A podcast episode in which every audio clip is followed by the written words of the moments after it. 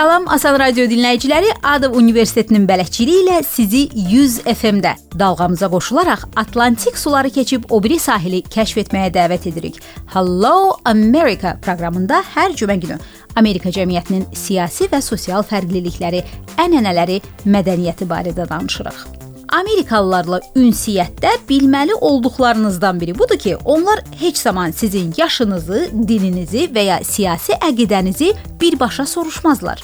Bəs belə olan təqdirdə qarşınızdakının siyasi mənsubiyyətini necə öyrənə bilərsiniz? Onun gündəmdə duran məsələlərlə bağlı mövqeyinə qulaq verərək. Dünyanın ən açıq demokratik cəmiyyəti pluralizmi təbliğ etsə də, seçkilərdə siyasi seçimini yalnız iki partiya arasında edir: demokrat və ya respublikaçı. Bunların arasında fərq nədir? Hello America bugünkü proqramında izah edir.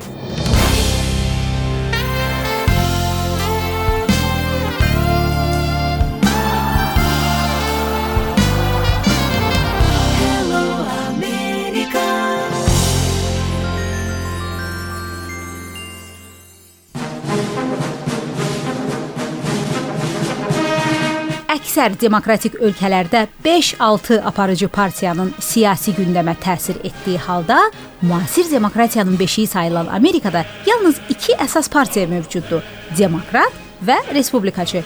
Onları rəmzlərinə əsasən asanca ayırmaq olar. Demokratların rəmzi uzun qulaqdır. Rəngi mavi, siyasi baxışları liberal solçudur. Respublikaçıların rəmzi fildir rəngi qırmızı, siyasi baxışları mühafizəkar, sağçıdır. Amerikalılar seçkilərdə adətən ya respublikaçı, ya da demokrat kimi səs verir. Əhalinin yarıdan çoxu siyasi səhnənin iki partiya tərəfindən inhisara alınmasından gileylənir və üçüncü partiyaya ehtiyac olduğunu deyir. Amma fakt budur ki, ictimai narazılığa baxmayaraq ölkədə üçüncü siyasi qüvvə əhəmiyyətli toplum qazana bilməyib. Ona görə də 19-cu əsrdə qurulan siyasi sistem 2 əsr sonra da hökm sürməkdədir. Birləşmiş Ştatların qurucularından biri, Amerikanın ikinci prezidenti John Adams 1780-ci ildə deyirdi: Respublikanın biri-birinə müxalif iki partiyaya bölünməsindən çox heç nədən qorxmuram. Onun həmkarı ABŞ qurucularından daha biri 3-cü prezident Thomas Jefferson razılaşırdı. Əgər siyasi partiyasız məni cənnətə buraxmasaydılar, heç ora getməzdim. Amma bu iddialarına baxmayaraq, onlar biri-birinə qarşı ilk iki Amerika partiyasının federalistlərin və demokratik respublikaçıların namizədləri kimi seçkilərə qatılmışdılar. Müasir demokratların təsisçisi isə 1828-ci ildə prezident Andrew Jackson idi. Yadınızdadır, bayaq demokratların rəmzinin uzunqulaq olduğunu demişdik. Seçki qabağı kampaniya zamanı Andrew Jacksona müxalif namizədlərdən biri belə müraciət edir. Amma bunu təhqir kimi qəbul etmək əvəzinə müharibə veteranı və təcrübəli siyasətçi olan Andrew Jackson bundan istifadə edir və seçki qabağı kampaniyası elanlarına və plakatlarına daxil edir. Beləliklə uzunqulaq ağıl, inadkarlıq və iradə timsalı olaraq demokratları təsvir etməyə başlayır. Demokratların uzun qulağı və respublikaçıların filinə uzun müddətli həyat vəsiqəsi verən isə 1870-ci illərdə Amerikanın ilk siyasi mövzuda karikaturalarını çəkən rəssam Thomas Nast-idi. Vətəndaş müharibəsindən sonra ölkəni səfərbər etməyə çalışan respublikaçılar filin rəmzini əskərlərin istifadə etdiyi ifadədən götürmüşdülər. Müharibə zamanı seeing the elephant, fillə görüşmək, döyüşə atılmaq mənasında istifadə edilirdi. Come on, everybody. We're about to check out a political party. Not like a birthday, more like a group of like minded people who share point of view. When it comes to our government, we have a few Republican, Democrat, and some more too. Two different parties, sometimes it's better Gəlin indi bir qədər bu partiyaların mövqe fərqliliklərini nəzərdən keçirək. Ümumiləşdirsək, demokratlar sosial məsələlərə gəldikdə daha mütərəqqidir. Respublikaçılar daha mühafizəkardır. Demokratlar hökumətə geniş nəzarət rolu verməyin tərəfdarıdırlar. Çoxsaylı qaydaları sevirlər. Respublikaçılar isə az sayda mərkəzləşmiş qanunları tələb edirlər. Bu yanaşma və fərqliliklər biznes, təhsil, səhiyyə, silaha sahiblənmə kimi məsələlərdə özünü fundamental fərqlər kimi göstərir. Demokratlar orta və aşağı gəlir təbəqəsinə aid əhaliyə az vergi tətbiq edilməsinin tərəfdarıdırlar. Hesab edirlər ki, gəlirlər nə qədər çoxdursa, vergilər də müvafiq olmalıdır və dövlət büdcəsi əhalinin bütün təbəqələrinə xidmətlərə və subsidiyalara sərf olunmalıdır. Respublikaçılar bunu ədalətli hesab etmirlər. Öz zəhməti hesabına gəlir əldə edən niyə başqalarının hesabına ödəsin ki?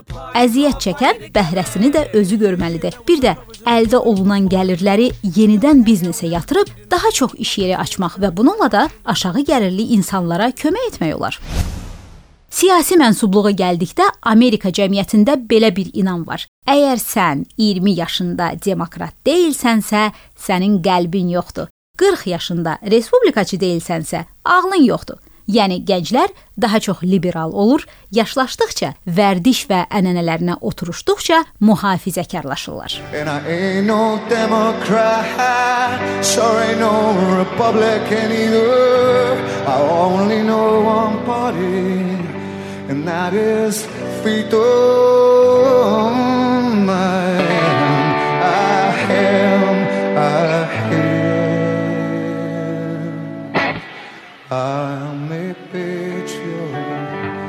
I love my country because my country is all I know.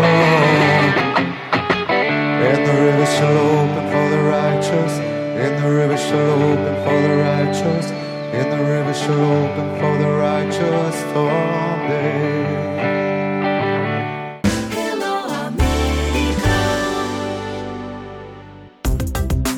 Amerikada seçici kimi qeydiyyatdan keçmisinizsə, Demokrat və ya Respublikaçı partiyasına mənsubluğunuz mütləq deyil. Bir çox seçici müstəqil mövqedən çıxış edir. Yəni bəzi məsələlərdə demokratlarla, digər məsələlərdə isə respublikaçılarla razılaşırlar. Ona görə qərarlarını vermək üçün namizədlərin ictimai debatlarını yaxından izləyirlər. Maraqlıdır ki, namizədlərin heç biri ağlına batmasa, Amerikalı seçici vəzifədə ən çox görmək istədiyinin lehinə yox, ən az görmək istədiyinin əleyhinə səs verir.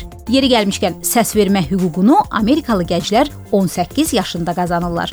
Gənc seçicilər bir qayda olaraq Demokrat partiyasının nümayəndəsinə səs verirlər. Onların seçki qabağı kampaniyada təhsil kreditləri borclarını silmək, minimum əmək haqqını qaldırmaq vədləri cəlbedici görsənir.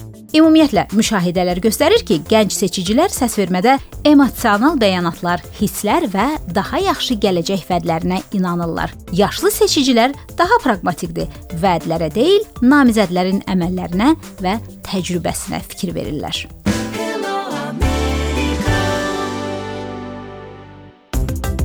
Hello America proqramında ABŞ-ın siyasi spektrumunu öyrənirik. Ölkədə 5 partiya olsa da, bunlar Demokrat, Respublikaçı, Libertarian, Yaşıl və Konstitusiya partiyalarıdır. Seçkilərdə mübarizə Demokrat və Respublikaçı namizədlər arasında aparılır. Bunun səbəbi nədir? Səbəbi Duverje qanunu deyilən məntiqdir. Təsəvvür edin, seçkilərdə 5 namizəd iştirak edir. Onun biri 35%, o birisi 25%, digərləri isə hərəsi 10-15% arası səs toplayır qələbə ən çox səs toplayan, yəni 35% toplayan namizədə məxsusdur.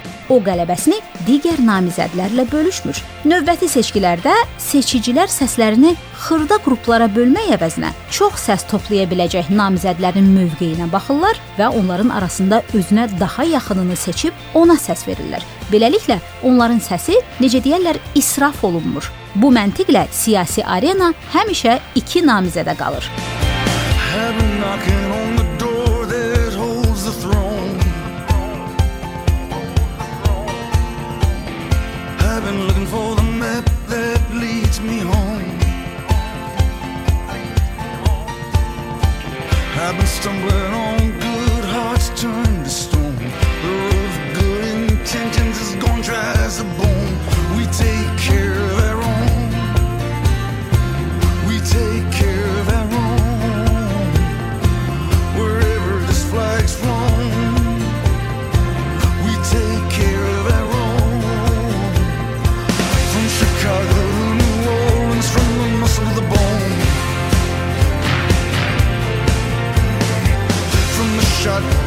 check to the Superdome.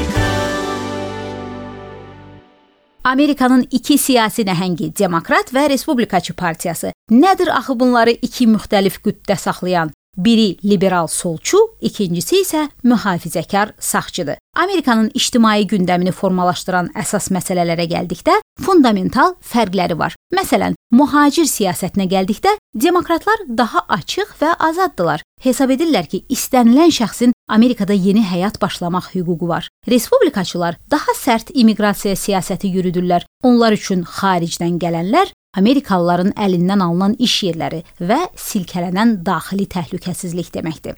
Xarici siyasətə gəldikdə də həmçinin respublikaçılar üçün beynəlxalq aləmdə əsas narahatlıqları milli təhlükəsizlikdir. Demokratlardan fərqli olaraq digər dövlətlərlə qlobal məsələlərdə əməkdaşlığa can atmırlar və biznes maraqlarını hər şeydən üstün tuturlar. Amerikada düşdüyünüz ştatın ümumi siyasi meylini də müəyyənləşdirmək olar. Əgər ştat Blue State. Blue State. Mavi ştat adlanırsa, demək əhalisi siyasi mənada ənənəvi olaraq seçkilərdə demokratlara üstünlük verirlər. Red State. Red State. Qırmızı ştat adlanırsa, respublikaçılara. Swing State. Swing State dəyişkən ştat kimi tərcümə olunan bu termin əhalisinin hər iki siyasi düşərgəyə aid olduğu və seçkilərdə kimə səs verəcəyi əvvəldən bilinməyən bölgəyə deyilir. Amerikada seçki qabağı kampaniyalar zamanı namizədlər əsas təbliğatı da məhz belə yerlərdə, dəyişkən ştatlarda aparırlar. Hello Amerikanın sizinlə görüş vaxtı isə dəyişməzdi. Gələn cümə günü saat 18:45-də 100 FM-də görüşənədək. America America. You know, God done shed his grace on thee. He, crowned our good. Yes, he did.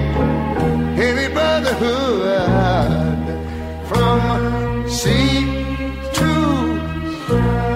shining sea. You know, I wish I had somebody to help me sing this.